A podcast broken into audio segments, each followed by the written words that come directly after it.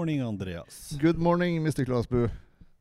Ja, nok en podkast. Nok en podkast. Og eh, som du sa sist, nå føles det ikke lenge siden. Nei, nå, nå er det ikke lenge siden. Jeg syns har bare Ja, nå går det fort, altså. Ja, det går det. Det er også så deilig vær, og sommer har vi fått. Ja, men nå, nå er det litt for varmt. Nå er det litt for varmt, ja. Jeg, har faen nesten ikke sovet i natt. Nei, det er varmt å sove om natta, det er det. Men eh, samtidig, da, så ja, vi får tåle det om sommeren. Ja, nei, vi skal ikke klage. Det det er bedre enn Sett på ei vifte og Ja. ta ut den der vinterdyna av lakenet, Ja, det har jeg gjort for lengst. Gjort for lengst. Ja, så Nei, jeg får jaggu håpe at det blir bra sommer. Det, Ja, det, det virker jo veldig lovende, i hvert fall. det er so, so far so good. Og mandag, en dag som eh, de fleste gleder seg fy til. fader.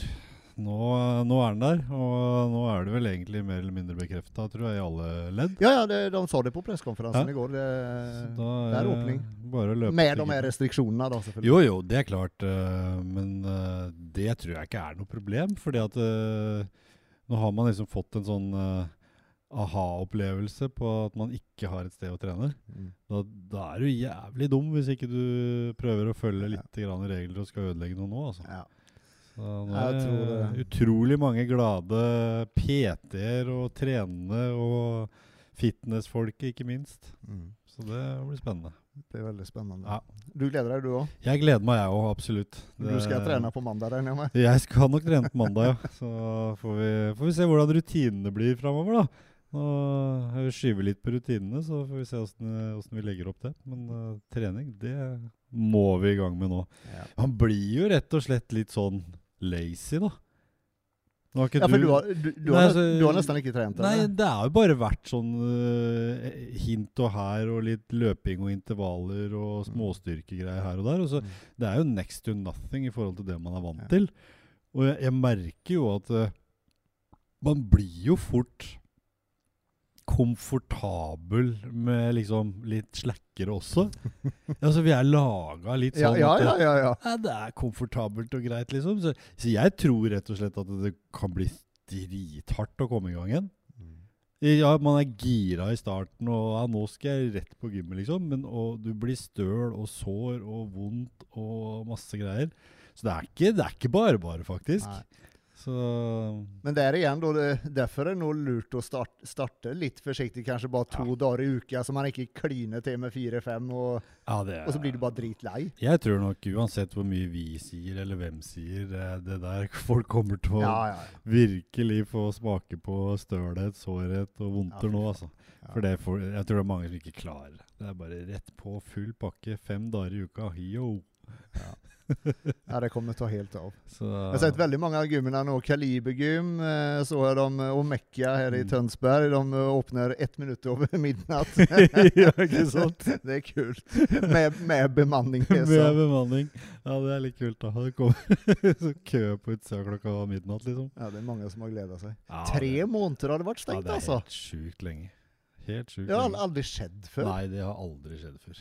Det, og det trenger ikke å skje igjen. For det Nei. Så eh, løp til gymmet, men uh, bruk uh, huet. Det er Ja, vel uh, oppfordringa fra oss og alle, egentlig. Mm. Det, Ja, vi kan ikke risikere at det blir stengt igjen.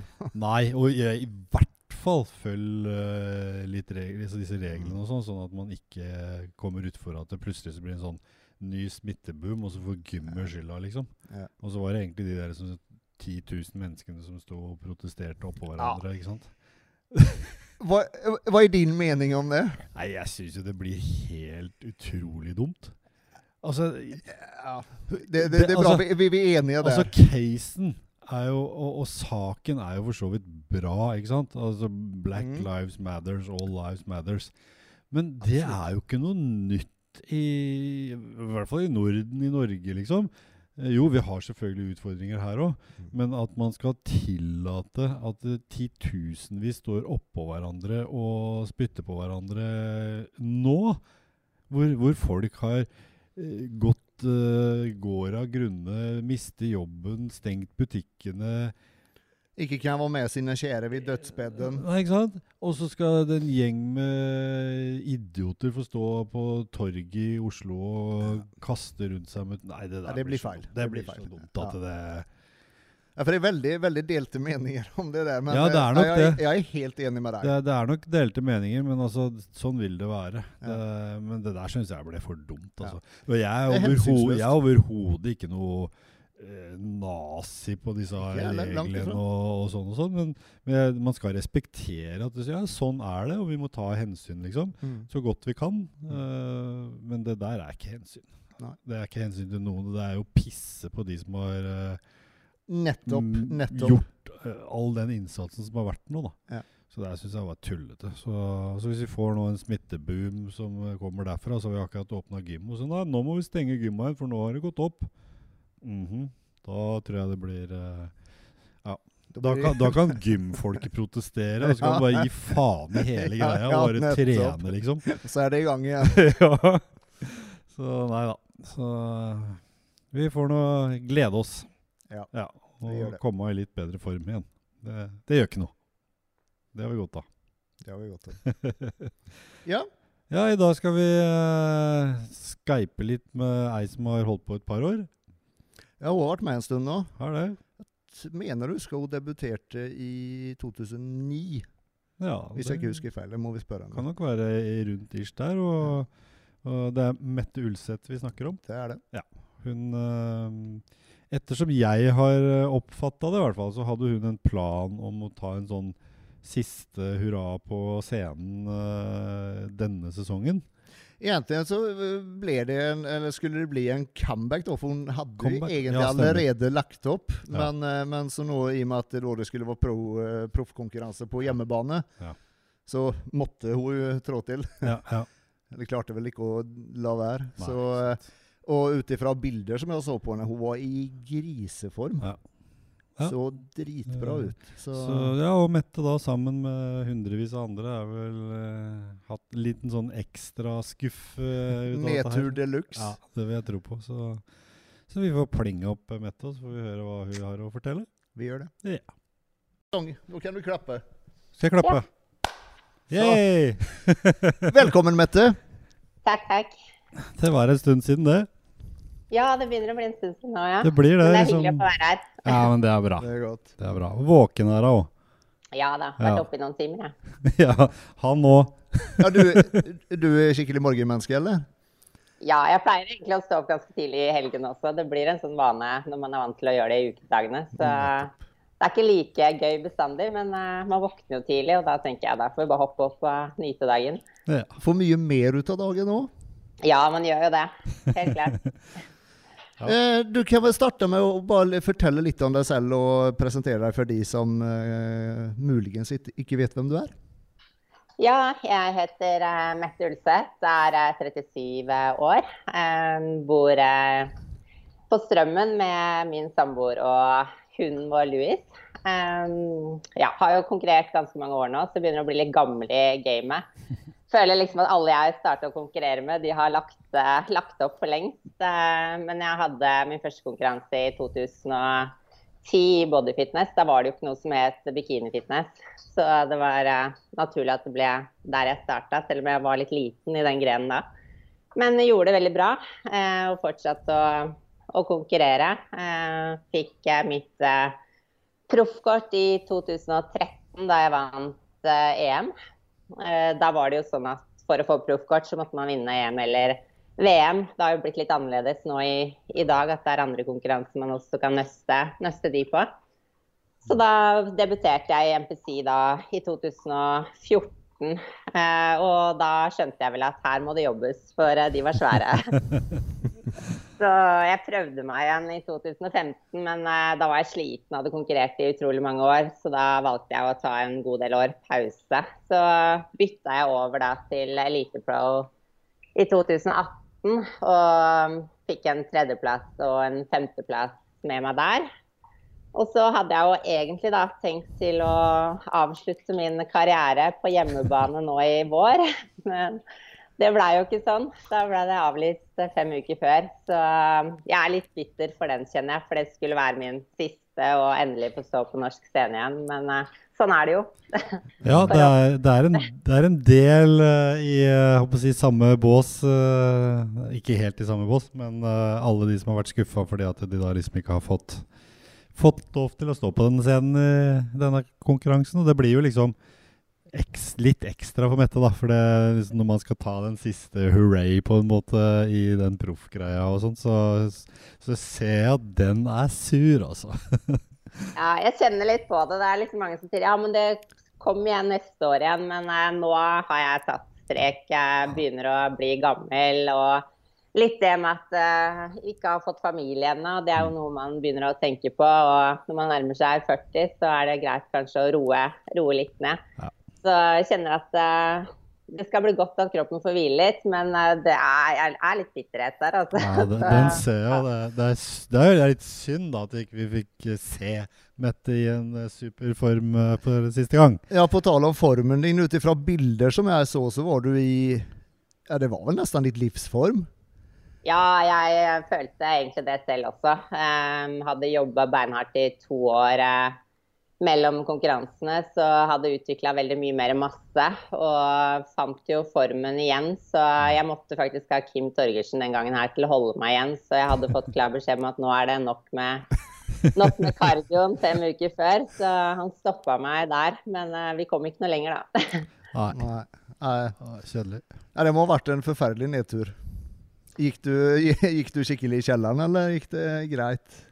Ja, det blei to uker som blei eh, drittspising og ikke noe trening. Og jeg var syk i tillegg, så det var, eh, ja, det var litt psykisk eh, påkjenning der. Men jeg har som regel en fin balanse der og vet at jeg må spise meg opp igjen. Så jeg kom meg opp i normalvekt igjen på en måneds tid. Så nå føler jeg meg ja, frisk og rask og har masse energi, og alle hormoner er på plass igjen. Og da, så deilig. Så bra. Ja.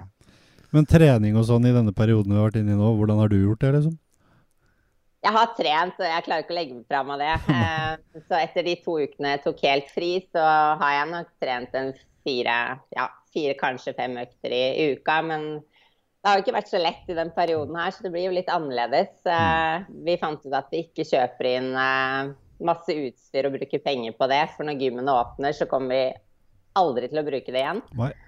Så holdt meg til to kettlebells og et par eh, manualer og strikker, så det har blitt mye bra rumpetrening. Og skuldrene har fått kjørt seg bra. Og så har vi vært så heldige at uh, vi har uh, et par i teamet vårt som har et veldig OK hjemmegym. Så vi har dratt dit en gang i uka og fått kjørt beina og ryggen skikkelig, da. Ja, det er perfekt. Så bra. Det høres jo veldig smart ut, da. Ja. ja.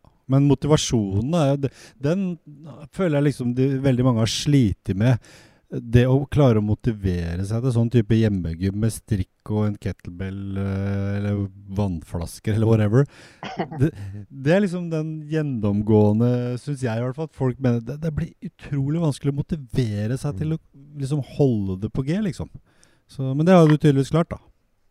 Ja, jeg syns det har vært tøft, jeg også. Det er noe med det å komme seg på et gym og reise hjemmefra. For når du er der, så trener du det du skal, og så kommer du tilbake igjen. Nå har det jo blitt mer mm. trene ved siden av sofaen. og bare å flytte seg de to meterne er ganske hardt. så jeg har fokusert mer på intensive og effektive økter. Så jeg har trent alt fra 30 til 40 minutter og ikke noe mer enn det. Og kjørt eh, på ganske intensivt, for det er det jeg har eh, orka i forhold til motivasjonen. Da, da mm. mister jeg litt gnisten etter det. Ja. Ja, nei, det blir... Føler du at du har beholdt muskelmassen, eller føler du at du har mista noe? Eh, I forhold til vekt og form og sånn, så føler jeg nok at eh, beina har jeg, eller rumpa har jeg faktisk bygd, for den har eh, aldri vært større. Skuldrene har jeg nok kanskje vedlikeholdt bra, men jeg har nedprioritert å trene bryst og armer i den perioden her, så de har nok mista litt. Så jeg må mm. nok opp i ringene litt til mandag når det åpner igjen. Ja. for da løper du også som alle de andre til gymmet, sant? ja, ja. det blir sånn. Ja, Vi har liksom snakket litt om og forrige episode om Yuma, den derre Det å komme i gang, at vi burde være litt smarte, da. At ikke vi kaster oss over på trening seks dager i uken uh, og full pakke med en gang, liksom. Og har du tenkt igjennom litt sånne ting. Altså, du har jo litt team, og du er jo erfaren, og liksom Det å få folk til å komme Hvordan komme i gang på gymmet uten å ødelegge seg helt, liksom? Ja, jeg har tenkt mye på det, og det er noe jeg tenker eh, gjennom egentlig hele året. Eh, alltid liksom gått ut med og sagt at det er ikke om å trene mest, men å trene smartest. Eh, og hele tiden lytte til eh, kroppen. Og jeg har også erfart det at ja, det året jeg studerte, så trente jeg tre økter i uka og har aldri bygd mer enn jeg gjorde da, fordi hvile er såpass viktig, da. Så eh, jeg har nok eh, ja, lagt eh, en plan på at jeg skal starte roligere nå når gymmene åpner. Ikke ta i for hardt, kjenne litt på det, bruke de to første ukene på å komme litt inn i det. Mm. ikke klinke til og perse og kjøre seg helt i utmattelse på alle øvelser. Og, Men det er det, det er det man har lyst til, da. Ja. Det, det kan nok hende at jeg ikke klarer å begrense meg på alle, men uh, jeg tenker å prøve å roe det litt ned og kjenne litt etter at hvis eh, kroppen er veldig sår, så er det greit å hoppe over en dag og, og hvile før neste, neste økt igjen. da.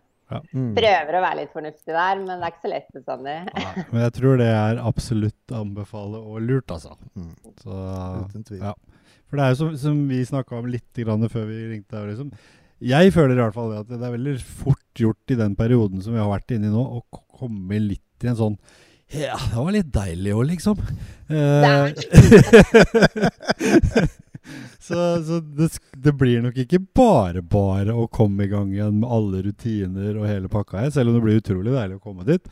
Men det er jo ikke noe Altså, selv om vi er interessert i trening og har holdt på med det i, eh, i mange, mange, mange år, så er det en bøyg for oss å få i gang de rutinene også. Det skal jeg være den første til å innrømme. Jeg merka det veldig, for når koronaen kom, så hadde jeg jo trent én til to økter om dagen, og så hadde jeg jobba 100 og om ikke mer.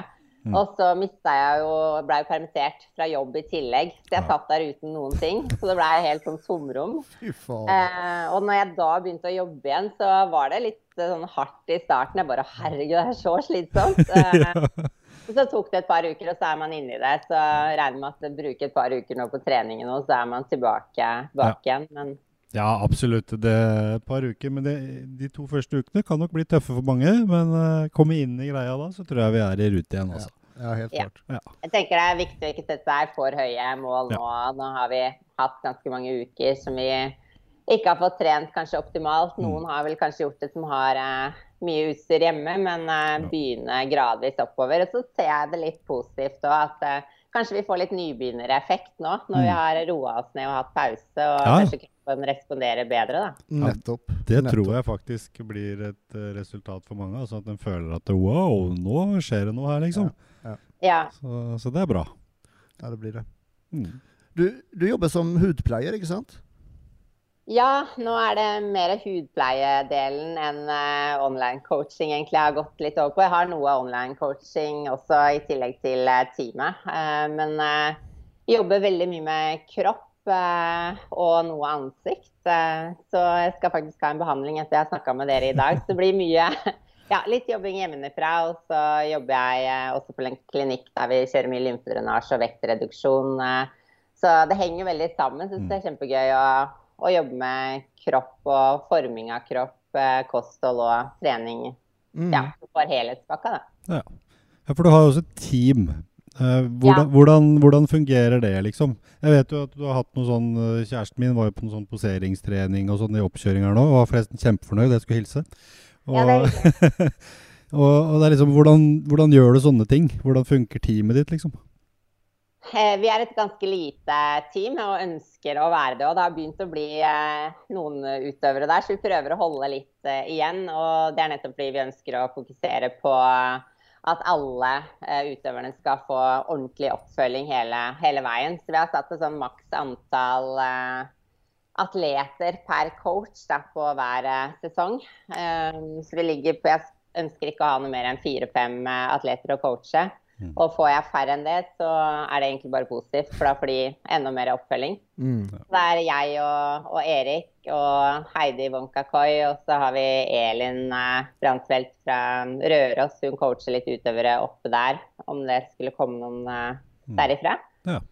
Eh, og så har vi eh, samlinger eh, når vi er i gang mot konkurranse, mm, der vi bruker en scene på Parkteatret eh, og øver poseringer. Så vi veldig nøye på det med poseringer og utstråling på scenen. Få fram eh, det beste for hver atlet. Så da mm. terper vi mye, mye, på det, så de får scenetreningen i tillegg, da. Ja, for, og det er jo liksom sånn Jeg syns det er kjempebra det du sier om det der. Det er jo en av de tingene som jeg er veldig opptatt av. Og når jeg får sjanse til å snakke med teams og sånn, så er jo nettopp de tingene mine liksom vorsegreier på. Altså, bruk scenen, ta scenen. Uh, det er så ekstremt viktig at du, du, trives altså Eller i hvert fall ser ut som du trives på scenen. Mm. For uh, du kan vinne plasser på å, å være positiv, bli utadvendt og sprudlende på scenen. Og være faktisk i dårligere form enn en som står der og ser ut som han ikke vil være der. Ja. Og det, det, er så viktig. Så det syns jeg er kjempe, kjempebra at dere fokuserer litt på. Ja, og det er derfor jeg også jeg og Heidi fant ut at nå må vi sette i gang med poseringsworkshop eh, for bodyfitness. For det er ingen som har hatt spesifikt mot det. Vi har jo Nina som har mot bikini, så jeg mm. tenkte at nå mm. bør noen gå ut og ta bodyfitnessen også. Eh, mm. for det er så mye detaljer og andre Det er jo sikkert alltid coachene også ser hva som uh, bør endres på, så få litt innspill fra andre og tror jeg er kjempe, kjempelurt. Ja, jeg, jeg, har veldig troa på det, og jeg har hatt noen sånne Jeg har jobba mye med Team Toppform, og der har jeg liksom blitt invitert til å holde ja, I sammenheng med at jeg har hatt noen fotoshoots for de hvert år, egentlig, så har jeg holdt et sånn lite sånn foredrag fra min side. da. Jeg, ja. jeg sitter jo i salen og jeg tar bilder av dere, så jeg ser jo hvem som skiller seg ut, hvorfor de skiller seg ut. Uh, og, og, liksom den biten der med f.eks. Og en annen ting er det der når man faktisk vinner, da, eller plasserer seg i topp seks, at du da ikke setter pokalen det bak deg og står med henda i fanget og liksom ja. Ikke sant? Og, og til og med eh, topp tre er utrolig dårlig til å feire. Jeg, jeg, jeg fatter det jo ikke. Altså Her står du som nummer én, to og tre i Norge. Og så står du liksom og ser litt ned i gulvet og tenker at ja, ja mm. Det er så få som liksom Yeah, dette her er gøy! Når de kommer bak scenen, da kommer tårene. Da, kommer, da hopper de og spretter og hyler og skriker. Ja, men det er jo det vi vil se! Og i etterkant så får jeg ofte uh, mailer eller meldinger da, fra de som har liksom vært i topp seks. 'Har du noen bilder når jeg står med pokalen?' Har du noen bilder når jeg er glad? Nei, du sto ikke med pokalen. Du sto med pokalen bak deg så ned i bakken. Jeg kan ikke lage et sånt bilde. D dere må feire. Ta, liksom, Vis at dette her er gøy. Det er noen av mine, liksom mm. Men det tror jeg det er viktig det du sier, og det jobber vi også mye med med våre atleter. For jeg er veldig opptatt av det å se ting på forhånd og visualisere hvordan ting skal være. Så jeg sier alltid til mine utøvere nå må du tenke gjennom uh, når du går ut der, hva er møter, hva møter deg, hvordan er publikum, hvordan ser mm. dommerne ut? Sånn at du allerede før mm. første gang du går på scenen har tenkt ut disse tingene. Bare se for deg at du skulle stå på toppen der, hvordan vil reaksjonen din være? Mm. Og sånn jeg brukte mye før jeg vant EM, og jeg så for meg alt uh, sammen med øktene i forkant og hvordan skulle denne økten være? Ok, jeg vet jeg blir sliten der, men uh, da mm. presser jeg det lille ekstra. så da husker jeg at eh, alt jeg hadde sett for meg, bare skjedde. Tårene rant og ja. ja. Vi, vi, elsker jo det. Ja, ja. Altså, jeg mener å huske noen sånne scener med, med Mette og Mette uh, oppå der, som, uh, som, liksom kaster seg rundt halsen på hverandre. Tårene spruter og Det er jo det vi vil ha. Ikke sant? Vise at dette her er mm, liksom. Mm. Og det, jeg, jeg, vil så dit. Altså, jeg, jeg klarer ikke å skjønne hvorfor du skal være så jævlig sjenert når du står der og vinner. Nei, Jeg fatter ikke. Nei, herregud, man har jobbet så hardt for det, så det er viktig å få lov å mm. glede seg når det går mm. bra. Så, og også glede seg på andres vegne. Det, ja. Man ser jo ofte at folk også blir litt sure hvis det ikke går sånn som de forventa. Så tenker at uh, ja, men, men, men, Jo, det er jeg helt enig i, men samtidig som jeg også sier at det, ja, hvis du er sur Så, så vis det på en litt sånn positiv måte, da. Jeg sier ikke, Ja. jeg sier ikke For det er følelser, og det er greit å på en måte få det ut. Ja, ja, vi har jo sett alle noen som tar eh, pokalen og Ja, kaster den i i og så, ja, Sånn oppførsel vil vi ikke ha. Nei. Men, men Nei. altså, det er faktisk lov å vise følelser andre veien òg. Faen, liksom. Dette her er ikke jeg enig i. Jeg er bedre. Men, men altså, oppfør deg. Men vis følelser, selv om det, kan, det går begge veier. Mm. Eh, ikke vent til at du er backstage, liksom. Da er det ingen som ser deg. Du får ikke de minnene på film og, og, og foto og det ene med det andre. Så ja, det er viktig. Mm. Ja, jeg er helt enig. Mm. Hva med PT-timer? Har, har du fortsatt sånn eh, one-on-one? At du er med folk på gymmet, liksom?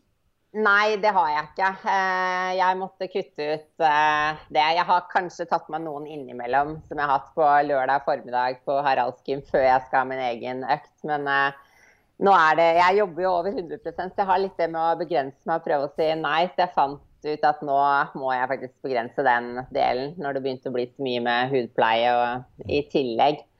Så jeg har kutta ut den delen. Så det går online, det jeg har nå, da. Mm. Jeg skulle forresten hilse så godt fra min eh, hustru. Og Ja, at, eh, for nå, nå, i denne koronaperioden, vi har jo hatt et eh, rimelig greit hjemmegym, og så har vi faktisk trent en del sammen, uten å, Ja. dre uten å drepe hverandre. Oi! for, for det gikk Det ikke før. før. Nei, nei, Det det, gikk ikke før. nei, det er noe nytt. Det er et nytt fenomen. Ja, herlig. Nei, men Det har det kommet noe positivt ut av den tiden. da. Flere klarte vel ikke å trene sammen? eh, Nei, det var, det var svært, svært lite. Jeg begynte alltid å krangle. Ja, det, jeg må si det blir spennende for min egen del, hvordan det blir framover. Så ja. Mm. Det er, eh, men du, du og Erik trener alltid sammen, eller? Eh, vi har ikke alle økter som er like, eh, men vi prøver å trene bein sammen og rygg sammen. Og så trener han litt mer bryst. eh, jeg har mer fokus på skuldre, skuldre og kanskje har en armøkt eh, i tillegg. Så vi har to økter hvert fall som er sammen, og så er vi på gymmet samtidig og kan hjelpe hverandre. Så vi trener litt forskjellig da ut ifra hva Mm. vi må jobbe med. Mm. Mm. Vi har litt ulike svakheter som må prioriteres, og som kanskje trenger en ekstra økt i, i uka. Så jeg har valgt å ikke fokusere så mye på bryst. Jeg tenker heller mer ramma i, i bodyfitness. Da, og få opp eh, rygg og skuldre og, og beina. Og så, siden man har eh, ja, implantater i brystene, så er det jo kanskje bare øvre delen som trenger å trene. Så jeg trenger ikke så lange økter på bryst. Da. Mm. Nei, silikon det pleier ikke å ha så mye effekt med trening. Nei, det- Den er, den er der. Den er der, den er der uansett. Ja, herlig. Men, men, men, men som nå fremover, da. Eh, du, du, du sier nå at du har lagt opp. Ja. Ja. Nettopp. Den er så hard. Ja. Men, men kommer det forandre trening noe? Kommer du dra ned på trening, eller kommer du fortsette å trene med, med å ha som mål at du skal forbedre fysi- fysikken, liksom? Det jeg har tenkt litt på nå, er at eh, jeg ønsker å prøve å ha en best mulig form ut ifra alder. holde meg eh, godt. Kanskje også få opp kondisjonen litt, for det er noe jeg har nedprioritert eh, i uh, off-seasons-perioder for når jeg skal bygge. Så jeg syns det er veldig gøy å løpe intervaller. Så jeg gjør litt plyo, så kanskje jeg legger inn litt mer av det, så jeg får litt mer allsidighet og kan holde en grei form eh, mer året rundt. Eh, Men Erik kommer jo til å kjøre på han, så det blir jo til at vi drar på trening sammen. Så det blir nok eh, alt fra fire til fem økter i Vi pleier å ligge på fem eh, i uka fremover allikevel. Men eh, kommer nok til å være litt mer avslappa til det. Eh, Jeg syns det er viktig nå å kunne prioritere venner og familien, for de har jo naturligvis blitt nedprioritert de elleve årene her som Jeg går jo veldig all in når jeg skal konkurrere, så jeg skuffer vekk alle og har kun fokus på meg selv. Så hvis det kommer en eh, forespørsel om jeg vil være med ut og spise middag med noen venner en kveld, så kan jeg nok eh, gjøre det istedenfor å måtte dra på trening, da. Så bli litt mer eh, bevisst rundt sånne valg, da. Ja. Mm. ja, ikke sant. Ja, det er Det er jo, men det er jo litt av prisen å betale, faktisk, for å kunne gjøre det så bra. Man må Det er en egotripp de luxe, liksom. Så sånn er det. Ja.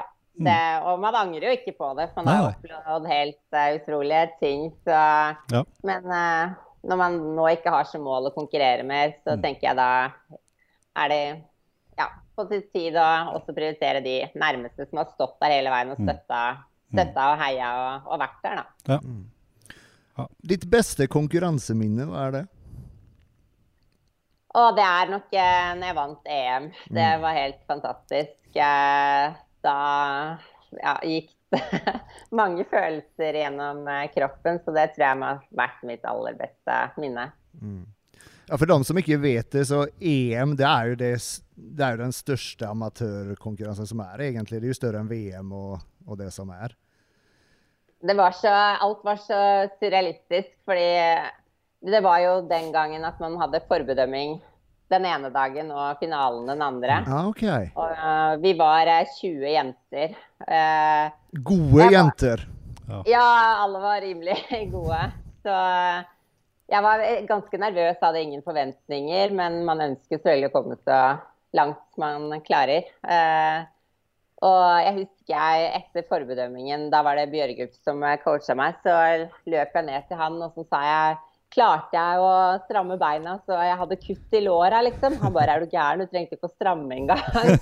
så var det jo seks som gikk til finalen, og så ville jo jeg vente på å få vite hvem av oss som kom dit. Og han bare nei, vi bare går, du er i finalen. Så jeg sa nei, men jeg vet jo ikke det, jeg må jo sjekke, da. Nei, du er i finalen, vi går, og så spiser vi og får fylt opp, sånn at uh, du får uh, lagt deg og slappe av til uh, morgendagen. Så da var det bare å tusle etter han, og jeg var kjempenervøs. For tenk om jeg ikke er det, da. Men eh, så fikk jeg beskjed litt senere at eh, det var jeg jo. Så da var det kvelden etter. eh, så da var det jo en ny runde med å tømme vann og hele pakka en gang til. Og jeg var rimelig sulten fordi jeg hadde ligget på rommet i, i Spania siden tirsdag, og jeg konkurrerte første konkurranse på lørdag. Jeg hadde ikke vært ute og lå bare helt stille med beina opp og hadde full konsentrasjon på konkurransen, da. ikke noe annet. Og jeg begynte å bli rimelig sulten, for det var jo svære buffeer der, og jeg så jo alle som var ferdig, begynte å spise. Uh, og på søndag, når jeg da hadde stått på toppen og vunnet og sånn, så fikk vi høre at nå blir det bankett, og der pleier det å være så god mat, og så gled deg til det her. Så jeg dro og dusja og skifta, kom på baketten, så er det to bonger. Og det er til eh, champagne eller noe annet du vil eh, drikke. Og det var ingen mat. Nedtur. Ja, det var skikkelig nedtur. Så da blei det egentlig eh, riskaker og proteinbarer og sånn dårlig mat. Men eh, jeg blei fort full, da. Så det, ja, ikke sant? det var jo gøy. Ja, Så bra. Var det vanskelig det å ha konkurranse på to dager? Forbedømme ene dagen og finale andre? Eh, Jeg syns det gikk greit, men jeg syns det er en fordel å ha alt på, på samme dag. Eh, For du drar jo veldig mye væske med en gang, så det er litt psykisk vanskelig. For du føler at formen bare fader ut på, på kvelden når du har fått spist og, Mm. og har drukket mye. Eh, Men når du våkner opp dagen etter igjen, så er jo formen kanskje enda bedre igjen, da. I hvert fall for min del, som hadde såpass bra form da, så jeg kunne egentlig fylt opp mer. Så jeg våkna i bedre form. Mm.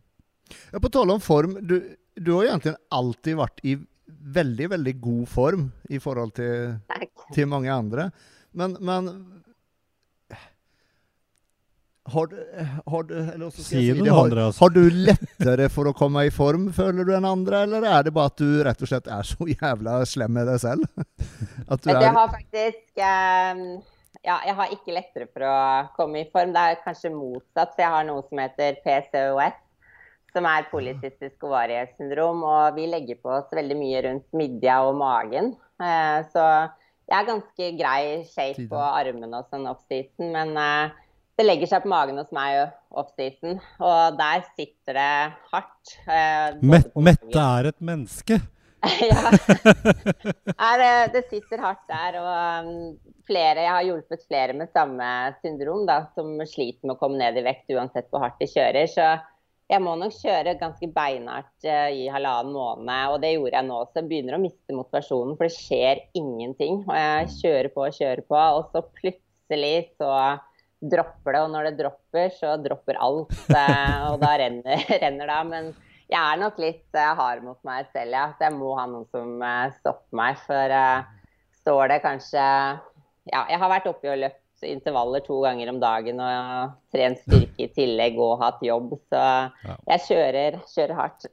Greit å ha Kim der, da, som holder litt i musefletta. ja, jeg, jeg, tenkte at nå må jeg ha Kim der som, som holder på. Uh, hva var det jeg skulle si nå? Uh, jo, noe som jeg, som jeg føler kan være, kan være, noe av det vanskeligste, just det å holde igjen. Ja. Når du liksom Du har bare lyst, lyst til å, å, kjøre på og liksom være enda hardere med deg selv. Men så, det... så, må, så, må, du holde igjen. Det er dritvanskelig. ja, det er kjempevanskelig. Jeg var også heldig nå. Erik eh, hjalp meg masse, fordi jeg styrer jo kostholdet selv. Så jeg har lyst til å droppe hele tiden. Og jeg kjører ganske fort på med fiskedietten og har fisk til alle måltider, for det funker utrolig bra for meg, mm. da, som spiser heller og karver opp godt eh, på lørdag. Men uh, for hver uke så har man jo lyst til å kutte litt. Men det var noen uker han måtte stoppe meg bare Nå holder vi oss der. Du har gått ned denne uka her òg, så du må liksom ikke ligge lavere bestandig. Og det er jo sånn jeg sier til mine utøvere òg. Vi trenger ikke droppe, men det å stoppe seg selv er utrolig vanskelig. ja, du må ha noen annen som sier det, for man klarer det ikke selv. Nei, man ser jo ikke hva slags form man er i før man ser bildene etterpå, så Nettopp. Ja. Nettopp. Men du kjører spise da eh, hele, hele veien fram, eller? Ja, jeg har egentlig gjort det nå de siste, siste gangene jeg har konkurrert, og det har funka veldig bra. Men da kjører jeg ganske mye hardere i uka enn det jeg gjorde før. Og jeg har hatt noen dietter som jeg ligger høyere og spist mer jevnt og mer variasjon i, i kostholdet. Men uh, de siste gangene har jeg vært mer beinhard på stort sett fisk til alle måltider og ligge lavere i kalorier. Og så har jeg fylt opp én dag i uka. Det har fungert ganske bra. Fisk til alle måltider? Unntatt frokost, da. Ikke frokost. Okay. Men det, Jon, når du blir ordentlig sulten, jeg skal love deg Fisken ja, ja. er god, altså. Fisk og brokkoli, det er dritgodt. Jo da. Det er som han Men, andre sa. Jeg kan bare variere litt da, med at jeg f.eks. har scampi til ett måltid og torsk til et par, og så har jeg laks til ett. Så det blir jo mm. litt variasjon. Det blir jo ikke sånn bare det samme. Men uh, jeg er faktisk oppvokst med en mamma fra Nord-Norge, så jeg er veldig glad i fisk. Så det, det går bra. Men man blir jo lei, altså. Det, ja. det blir jo lei uansett om det er fisk eller kjøtt eller whatever. Da. Man gjør det. Jeg bare hørte som fisk til alle måltider. Så, ja, når man er helt, helt der i, i, i det diettmoduset, og du er man bare gleder seg til neste måltid. Det er ja, det eneste man gleder seg til. Det er jo sånn. Og så til spisedagen på lørdag. ja, er, det er motivasjon. Men jeg tror når man har et sånt mål, så gjør man det som trengs, og kanskje litt, eh, litt til. For aldri vært der at jeg ønsker å jukse og gjøre det lettere for meg selv, fordi det vil synes når du kommer på scenen uansett. Så det er bare å gå all in. Og så tenker jeg alltid at tre-fire måneder uten uh, noe annet, det, det, klarer alle. Og da, etter de månedene kan man jo spise hva man vil. Så Vet du hva, Mette? Det der klarer ikke alle. Nei. Nei, absolutt ikke. jeg skjønner ikke hvorfor, egentlig. Liksom... Nei, men det er jo sånn. Men ikke sant? jeg har jo en saying jeg har sagt 100 ganger, liksom alle som står på en fitness-scene, er en vinner. Og det mener jeg fordi at det, det å gå gjennom det helvete der, det er så mange som ikke klarer det.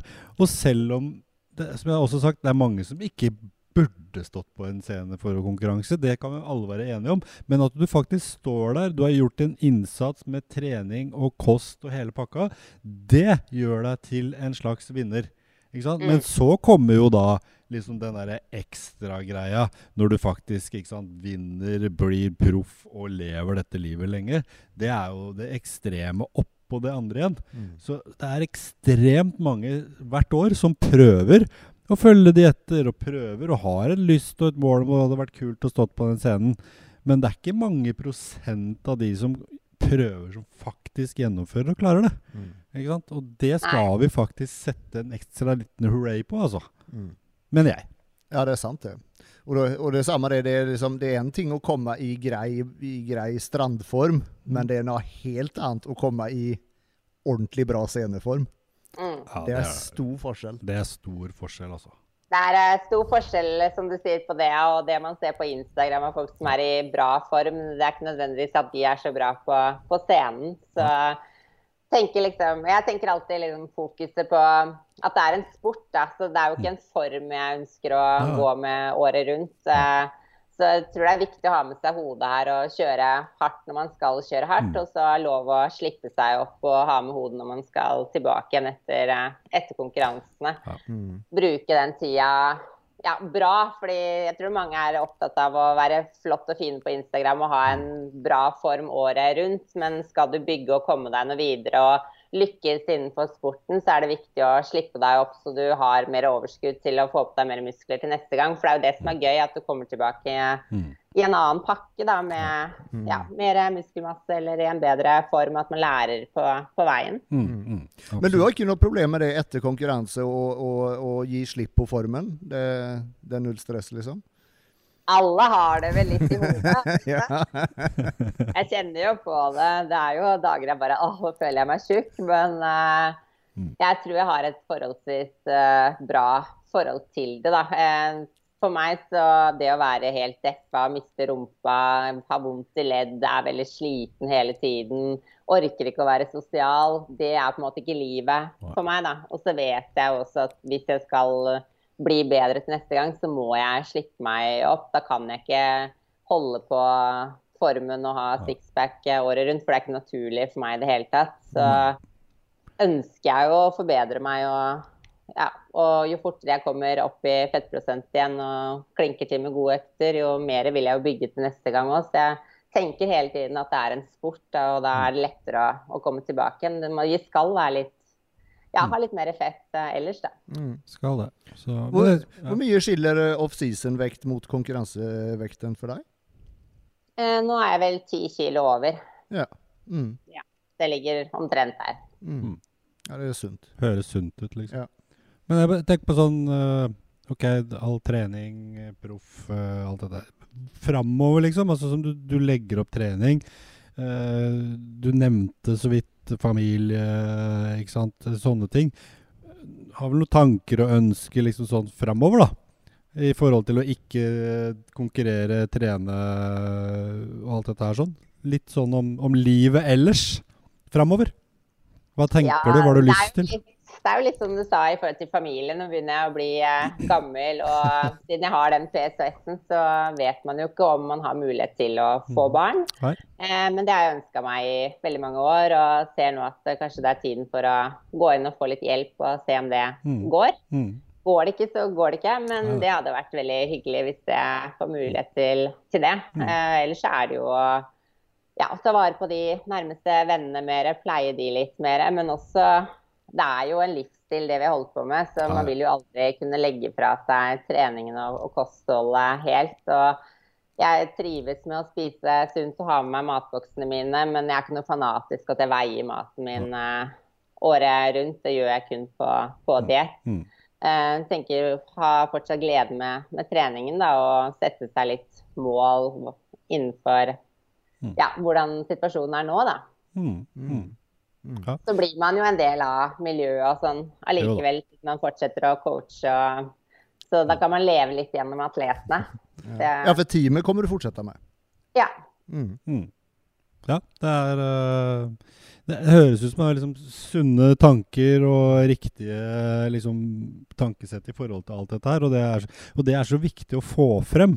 Jeg liksom prøver å få det liksom litt frem fra dere som er forbilder og erfarne i denne greia, liksom. At det, det er så jævlig mange som, som du sier, tror at uh, man ser ut som uh, en sånn fitness-sceneatlet uh, hele året og flyr rundt med sixpack og det ene og det andre. Men, men, det gjør man jo faktisk ikke. Det er ikke sunt, og det er ingen som gjør det.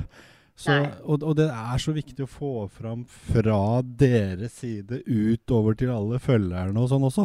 Så det er klart det fins ekstremt mange sånne ja, Instagram-fitness-modeller, eh, som, som, du også sier. Altså, det er ikke nødvendigvis at de har noen gang gjort det bra i en konkurranse eller ser bra ut på scenen, men med bra vinkler, lys og Photoshop så kan man se jævlig bra ut eh, hele tiden, liksom. Ja. Jeg tenker man må være litt bevisst på hva er det man ønsker å oppnå, eller hvor ønsker man å oppnå noe. Da er det på Instagram eller Mm. Eller er det å bli god i bodyfitness eller en annen gren man holder på med? Mm. Fordi da kreves det jo at man bruker kanskje ett eller to år på å bygge godt og mm. utvikle seg fra, fra gang til gang. Mm. Og da har man ikke den sixpacken året rundt. Så det er valker hos meg også, liksom. ja, ikke sant? Selv om man ikke kanskje viser det på alle bilder man legger ut. Man skal jo alltid Nei. legge ut det fineste og flotteste. Men jeg føler at um, jeg prøver å få fram hvert fall mm det med at det skal være sunt, og at man er et mm. forbilde i forhold til å slippe seg opp og vise at man ikke går rundt og har en eh, konkurranseform året rundt. Da. Mm. Vi er mm. mennesker og Ja, viktig. Ja. Veldig viktig. Mm. Ja, Har vi noe mer å skyte løs med mot frøken Ulseth? Jeg har vel egentlig ikke noe. Jeg føler vi har hatt en god prat, jeg, Mette. Ja, ja, det har vært veldig hyggelig. Ja. Har du noe som du vil uh, si?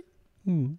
Eh, jeg syns det har vært veldig hyggelig å få være med på poden deres. Og det er kjempekult det dere har satt i gang. Så jeg har sagt det til deg, Andreas, før, det med i form og intervjuer og filmreportasjer. Det er kjempegøy. Det syns jeg er moro at man får frem eh, ja, den lille sporten vi er i i dag, da, på en mm. litt annen måte. Og får kanskje se litt bak eh, mm. bildene på Instagram også. Så det er kult det dere gjør. Så bra. Takk for det. Hvor kan eh, folk finne deg hvis noen vil eh, ja, få kanskje hjelp online eller sånne ting?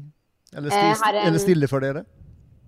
Vi har en hjemmeside på vitalityandhealth.no, så der ligger det mye informasjon i forhold til vanlig coaching og, og teamcoaching. Eller så finner dere oss på Instagram på Team Vitality. Vi har også en for online coaching som heter Vitality and Health, og så er jeg på Mette Uls understrek IFBB Pro. Vi legger ut linker. Vi skal legge ut linker og greier, vet du. Ja. ja. og så er det viktig at, uh, at Mette pusher videre og promoterer oss. Ja. Det er sånn det må være. ja. For klø hverandres rygger. Må det. Ja, ja, det er sånn dette verden funker.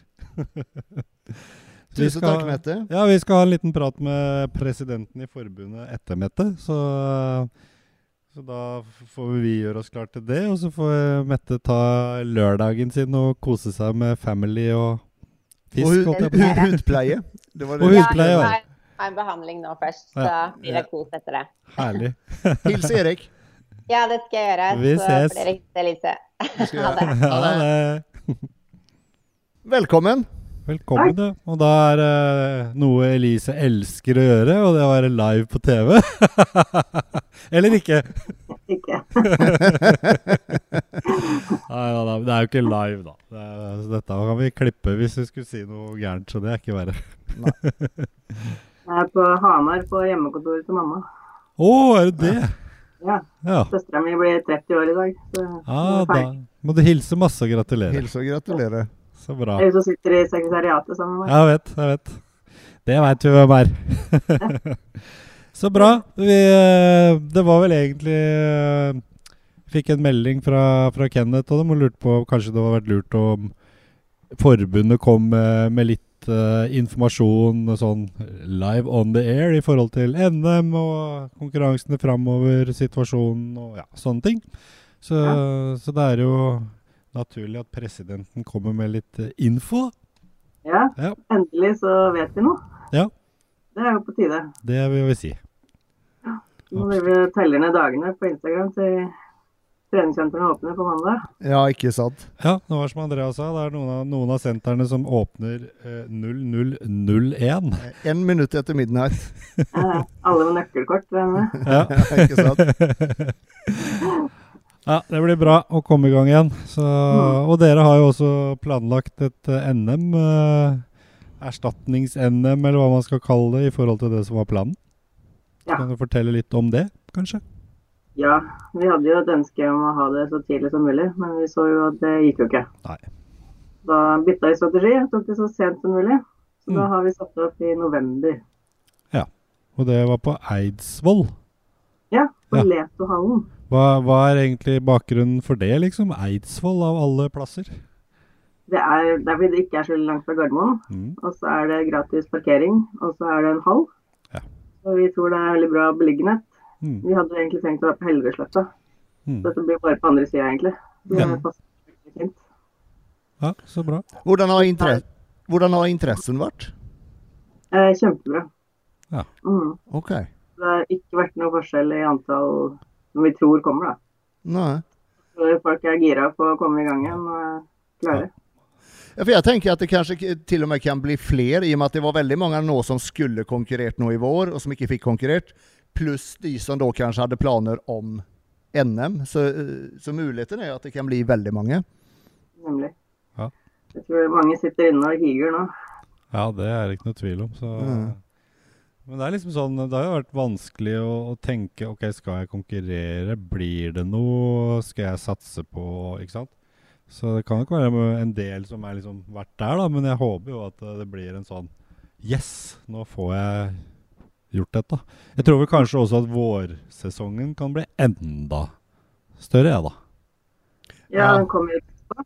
Så jeg tenker det er jo kanskje mange som har lyst til å Mm. ta NM nå som en sånn oppvarming, og så kjøre på videre. Ja. Så, Absolutt håpe. Skal, eh, skal dere prøve å få uh, proffkonkurranse til, til Grand Prix neste år, da? At den vi kommer er i bra? diskusjon med IFB om det. Så Mm. foreløpig så har de sagt at uh, vi er good to go. Og så må vi jo se litt på kontrakten og sånn, da.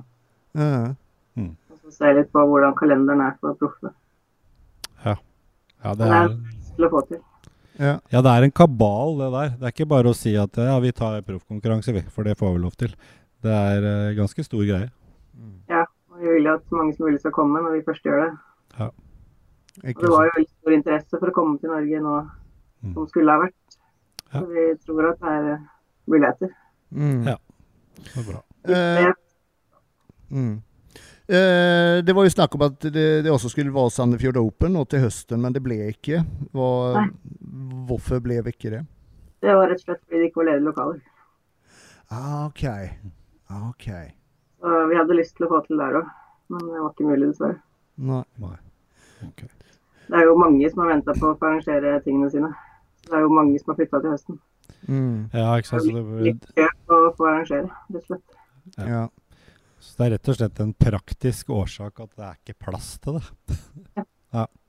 Så, Enkelt og greit. men, men jeg må si dette stedet på Eidsvoll er, det er en idrettshall hvor uh, vi må bygge opp scene og publikumarealer og backstage og alt, liksom. Litt sånn à la det jeg drev med på Norway Open, da. Ja, Og så er det hotell som er tilknytta, Ja, ok. Mm. så man kan bo på stedet. Så det blir veldig bra. Også. Ja, det er bra. Det er kjempebra. Og Grand Prix skal gå der neste år også? Nå har vi litt mulighet til å sjekke det norske først, og så kjører vi på internasjonalt etterpå. Ja, så bra. Men nå var jo også altså, NM skulle jo i utgangspunktet egentlig være i Stavanger-området i år. Uh, hvordan er liksom eh, Er det tanker på at vi kan fortsette med den eh, strategien til neste år, da, eller utover? Absolutt. Altså ha NM på andre steder i landet, sånn at uh, vi kan Mm. humpe litt rundt på andre steder? Ja, det er jo litt avhengig av at vi har noen på plass som kan hjelpe selvfølgelig. Men uh, Stavanger er jo et kjempeområde uh, for miljøet. Så det er jo kjempegøy at de har lyst til å dra i gang. Mm. Eh, Det var litt derfor de ikke hadde lyst til å arrangere det nå. Fordi når de først skal satse der nede, så vil de ha med publikum, og de har lyst til å ha med så stort som mulig. Ja. Det var så mye usikkerhet. Mm. De vil heller vente til de har mulighet til å kjøre på for fullt. Men, men da, er, da er de keen på å være med, liksom, når de er i gang i, i rute igjen? Ja. Ja, så bra. Det Vi er er, i lag med de om å arrangere neste år. ja, så bra. Det er godt å høre. Mm. Mm. Nå øh, Unnskyld? Nei, det, er så, det blir bra. Ja. Nå, eh, nå med tanke da eh, at, at eh, Grand Prix ble, ble avlyst, sånn i forhold til Hadde forbundet noen utgifter i forhold, i forhold til leie av lokale og sånne ting som Eller at det ble noen At dere gikk i tap eller noe sånt der? Nei, det gjorde vi ikke. Så det gikk uh, veldig bra. Vi fikk en fin avtale med hotellet. Ja, så bra. Vi fikk avlyse. Ja, ja, det var godt å høre. Ja, det er greit, for det er ikke noe gøy å måtte tape penger på dette i tillegg, liksom. Nei. Det, Ehm, hva var det mer jeg tenkte? Ja, nå spiste jeg opp det. spiste du det opp? Ja, jeg glemte av det. Jeg har ikke spist det ennå, du. Nei. Ja, skal du være med, Andreas? Er du klar til høsten, eller? jeg, jeg, jeg er vel sånn klar Eller jeg, jeg, jeg, jeg trenger seks uker cirka, så er jeg klar. Men, men eh, Det store spørsmålet er vel om min kjære fru er klar. så nei, det blir ikke nå til høsten. Det blir det ikke. Men uh, det kommer helt klart bli igjen. Det, det kommer. Du skal aldri si. Nei, man skal aldri si aldri, men Vi ser vi lager noe sånn veddemål eller ja, sånn i podkasten her, så mm, vi får se, da. per i dag så, så, nei, i hvert fall. Så, ja. Men er det, er det å si andre annen informasjon, annen uh, nyheter, noe nyttig for uh, si atleter og miljø å vite fra forbundets side nå, liksom? Ja, etter NM så kommer det jo en Arnold i Sevilla. Det er jo gode muligheter til å kvalifisere seg dit. Mm. Den tror jeg kan bli ganske stor, i og med at det er i 1.12. Ja. Da er jo forhåpentligvis verden på plass igjen. Så da er det jo mulighet for at det kan bli en stor konkurranse. Så det kan bli gøy for de som har lyst til å være med der. Mm. Ja. Og hva er det da, eller hva, hva, trenger man av plassering for å få, få lov å gå videre dit? Det er en topp seks på NM. Topp seks på NM. Ja. Mm. Mm. mm.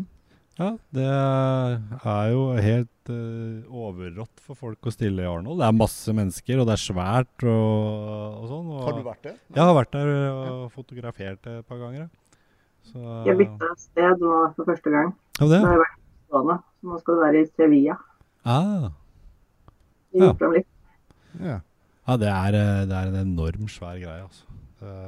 Jeg skulle jo fotografere de norske, liksom, og da var det liksom fem forskjellige scener. og sånn, Jeg måtte bare OK, hvem skal jeg egentlig fotografere? Den klassen eller den klassen? Så måtte jeg bare mm. velge.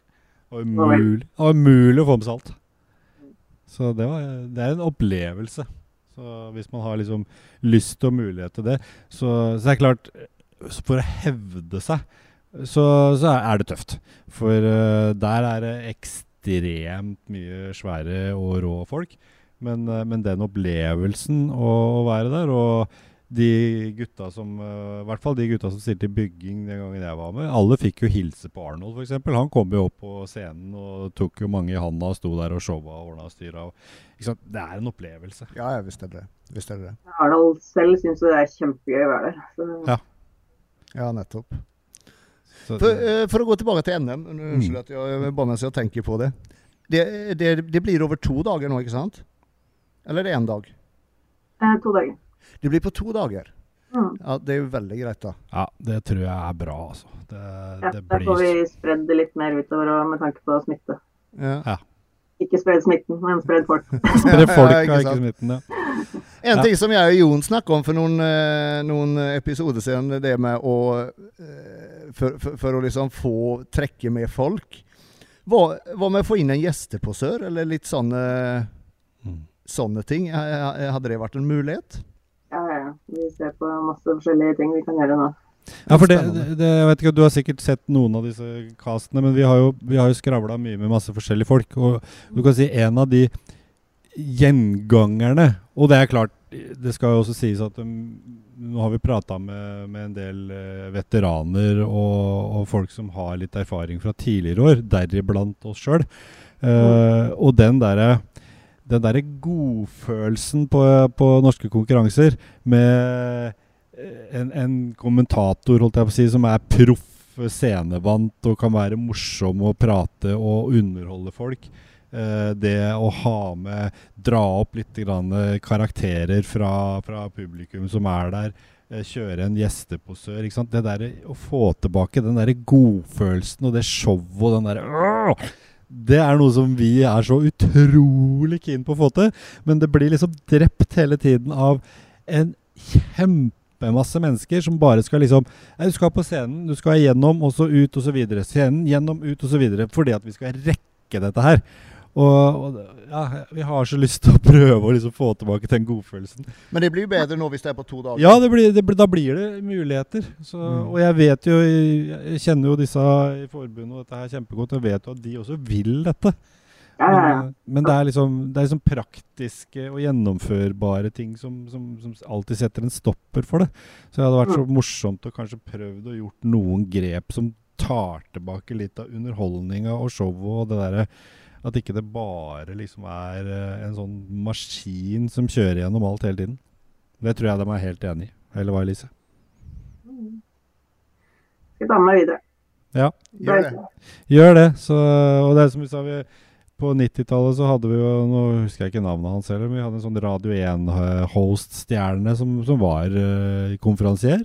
Han kunne jo ikke bodybuilding eller fitness, han. Men uh, han var ekstremt morsom. Og når vi trengte en sånn en som kan eh, kvartvendinger og dobbel ditt og det ene med det andre, så, så, var det en annen en som hadde mikrofon, eller hoveddommer, ikke sant.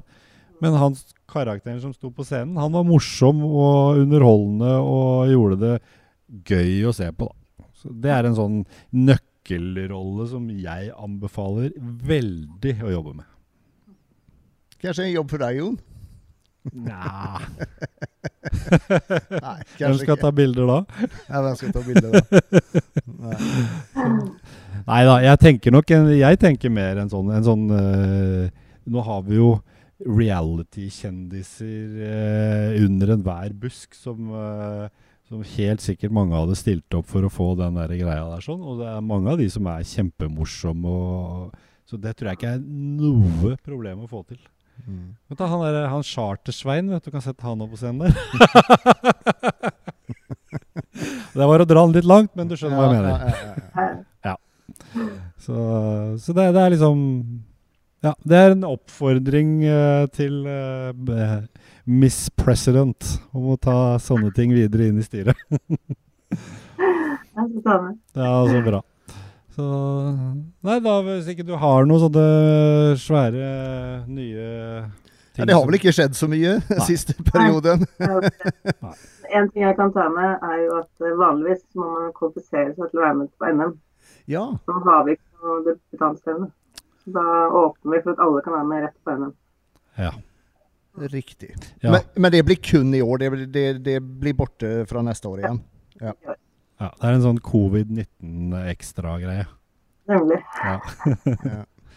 ja. ja. men det er viktig informasjon, at man vet det, da. Så andre praktiske eh, opplysninger, altså for de som da vil være med på NM, eh, de vanlige rutinene med å melde seg på og Bare begynne å trene på mandag, ja. og så kommer vi med mer informasjon. Vi holder på å lage plakatene og sånn nå. OK, så bra. Kult. Ja, men det er bra. Da får du rett og slett bare fortsette å feire søstera di, og så kose deg på Hamar. Takk for det. så bra. Snakkes vi. Det gjør vi. Takk for at du ville være med en liten snutt. Tusen takk for det, Bebe. så bra. snakkes, Elise. Vi snakkes. Ha det. Ja, vi kunne egentlig bare ta en, eh, en liten bare ja. Jeg klappa, jeg, men da trengte ja, jeg ikke å klappe. Klapp igjen, da. Japp, ja. da har vi hatt en, uh, en runde med to uh, kjente damer i miljøet. Mm. Så bra. Det hørtes jævlig feil ut. Vi har ikke hatt en runde med to kjente damer. Vi har ja, det, med dem. det, det, kan man tolke som man vil. ja, nei da, det, var, det har vært uh... Jævlig gøy at de blir NM, da. Ja, det er... At det blir i hvert fall én konkurranse i år. Ja. Ja, for det blir eneste konkurransen i år, faktisk. Det gjør det. det er, Her i Norge, i hvert fall. Det er ganske tragisk, egentlig. Men sånn er det. Det, det er sånn situasjonen har blitt, og da er det bra at det blir et NM. Mm. Jeg håper virkelig at alle de som har hatt uh, De som nå sitter med sånn nestenform, og ikke har mer enn sånn som deg, da, seks uker til, til, formen, liksom. Eller kanskje litt til, da. Men uh, i hvert fall har tid og mulighet til å komme i den formen. Uh, hiver seg rundt og blir med. Det, um, ja. ja. Jeg tror det kan bli veldig mange som stiller nå. Ja. Det, jeg er litt sånn jeg, jeg, tror det kan bli mange, men så tror jeg også at det kan være en del som har, har tenkt at vet du hva, jeg tar våren. Fordi at nå har jeg ikke fått trent ordentlig på en mm. stund. Jeg har ikke fått spist ordentlig på en stund. Ja, men det er likevel det. Det. er liksom uh, jeg, jeg, er litt sånn at det kan, men jeg håper jo og krysser alle fingre for at vi får et overfylt NM, selvfølgelig. Mm. Men, uh, men, jeg tror også det kan være en del som tenker at uh, jeg tar våren, jeg, for da har jeg noen ekstra måneder til å komme inn i systemet ordentlig igjen. liksom. Mm. Mm. Så, men jeg vet jo ikke. Det her er bare synsing og Det er jo en stund til november. så det er det, altså. Får gjort rimelig mye. og de fleste har jo fått trent på en eller annen måte. Ja. man har jo som, de fleste har ikke mista noe særlig muskelmasse. Man har nok bibeholdt seg sjøl ganske greit, liksom. Ja. Og de som virkelig vil trene, de får trent. Ja, ja, trent får man. Så, jeg så uh, Samir, han er jo i full def nå. Ja, han har seks uker til konkurranse eller noe sånt. Ja, Han ser ut som han skulle på scenen i morgen. Ja, ja.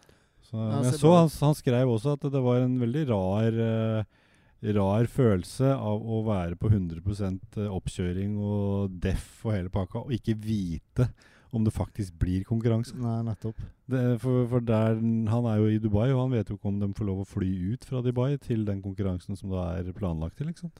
Enda. Det var noe Var det i Kor... Nei, hvor var det han skulle stille? Her? Ja, nei, Det husker det var jeg ikke. Det var noe Asia ja, ja. Så ja, det var det. Jeg lurer på om det var Sør-Korea.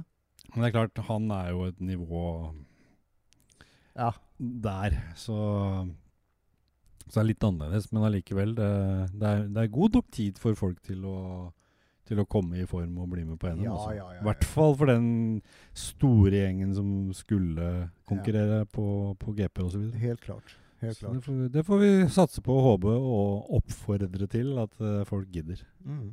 Så blir veldig spennende med det på uh, Eidsvoll. ja. Som jeg har sagt før, jeg har jo litt erfaring med det å arrangere konkurranse på et sånt type sted. Mm. Og, og, det kan bli kjempebra. Det er bare at det krever en god del mer forarbeid. Mm. Man må f.eks. Liksom, bygge opp scenene. Ja, for den må være ganske høyt opp, slik at alle som sitter bak ja, altså, salen, ser. Ikke sant? Eh, hvis du da, Nå har ikke jeg vært der, men jeg, de bildene jeg har sett, så ser det ut som det er et flatt gulv. Mm. Og da står jo alle stolene på rad og rekke. ikke sant? Og så så på Gardermoen Open også. Gardermoen Open var jo mm. sånn òg, ikke sant. Mm. Og da må scenen et lite hatt opp for at de som sitter bakerst, skal se. ikke sant? Så, så, det er en egen greie, det. altså Å bygge et helt sånn scenearrangement i forhold til å komme til å si, dekka bord på Konserthuset eller Chateau Neuf eller ja. Mm. Så, men det, det, kan jo også bli veldig eller kommer til å bli veldig bra òg, for da har man liksom litt styr på hvordan det skal se ut. da. Mm. Det er ikke hengt opp og bundet fast i hvordan det faktisk ser ut på stedet fra før. Mm. Så det tror jeg kan bli bra. Og dette her med at det er kort vei fra Gardermoen og kort vei fra Oslo.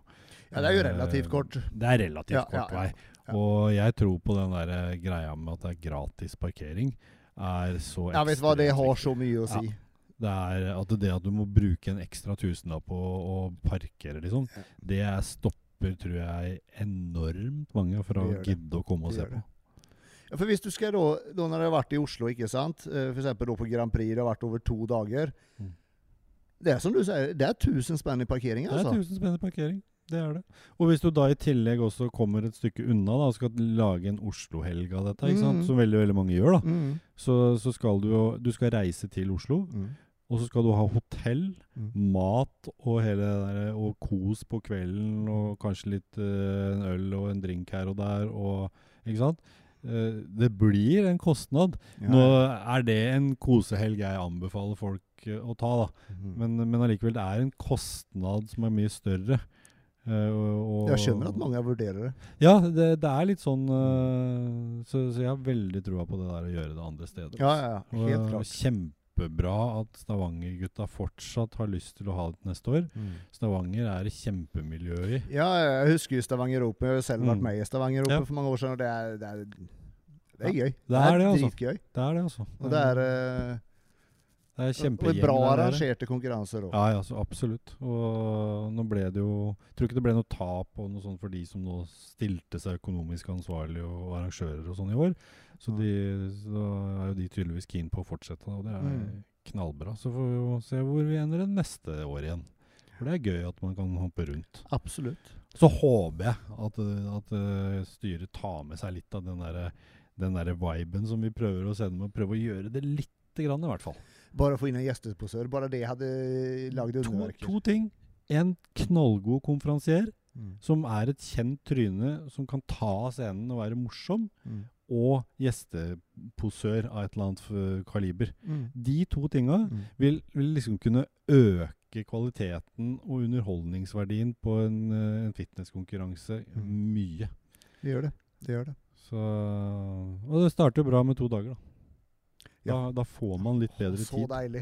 Ja. Og, og, og som for oss som jobber liksom, Folk tror liksom bare at uh, du, ja, du, sitter bare og tar mm. bilder, mm. og det er liksom null stress. Mm. Og jeg flyr rundt litt med kamera. Ja.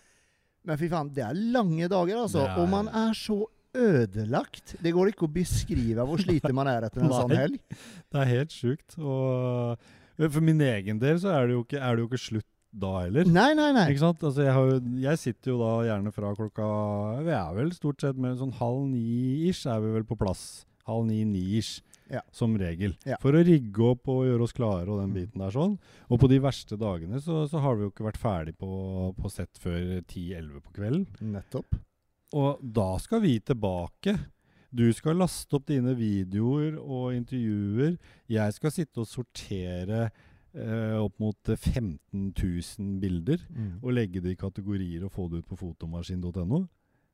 Så det, det, det, den helga er ekstrem. Det er ekstremt. Det er det. det, er det. Så, det, er det. Og så er det, litt, det er litt morsomt. da, Det her jo, blir jo litt sånn for oss, vår del. da, Men vi kommer jo på hver eneste konkurranse og er like gira hver gang. Og, og, det liksom Og så går det litt noen timer utover, og det begynner, så sitter Andreas og jeg i liksom de stolene og sier å, fy faen, er det ferdig snart nå, eller? Vi er så lei. Å, vi er så lei. Herregud, liksom. Ja, det er akkurat det samme. Det samme hver gang. Når vi kommer på plass, vi, vi gleder oss, og det er dritgøy. ikke sant? Adrenalin på topp. ja. Og så Fy faen. Det er det samme hvert år. Ja, det er artig. Men sånn er det. Men like idioter så er vi der hver gang uansett. Ja, det er gøy, da. Det er gøy. Det er, det er gøy. Det er en passion. Det, det, er slitsomt, men det er gøy. Ja, det er det. Så absolutt. Det er en greie. Det ville vært veldig rart å ikke vært der. Jeg, ja. jeg hadde jo én runde på Sandefjord hvor jeg ikke var der. På grunn av litt sånne Ja, det var noen tekniske greier med arrangør og sånn, men ja, samme det. Men da var det ett år jeg ikke var der. Nei, det var, mm. det var noe som mangla, altså. Det var det det. absolutt noe som mangla. Ikke sant? Det lukta, stemninga, folka Så det har vært veldig savna nå. Så jeg er veldig glad for at det, det lysner igjen. Mm. Så, så, vi gleder oss veldig. Ja, absolutt. Ja. absolutt. Så vi skal skyte på med det ene og det andre. Så får vi jeg veit ikke om vi rekker noen podkast akkurat. Ja, jeg skulle akkurat si det. Vi må jo prøve å få til noe, da. Det hadde vært gøy å få til noe, altså. Så vi må prøve å planlegge litt uh, rundt det, altså. Uh, ha et eller annet studio satt opp i, uh, ja. i området der eller noe sånt. Vi må finne en løsning på ja, det. Vi må finne en løsning på det. Så ja, noe, noe finner vi på. Vi finner ut av det. Ja. Så bra. Så bra. Da er vi vel klare for denne da, gang. Da tar vi helga igjen. Da tar vi helga igjen. Så bra. Takk for i dag. Takk for i dag.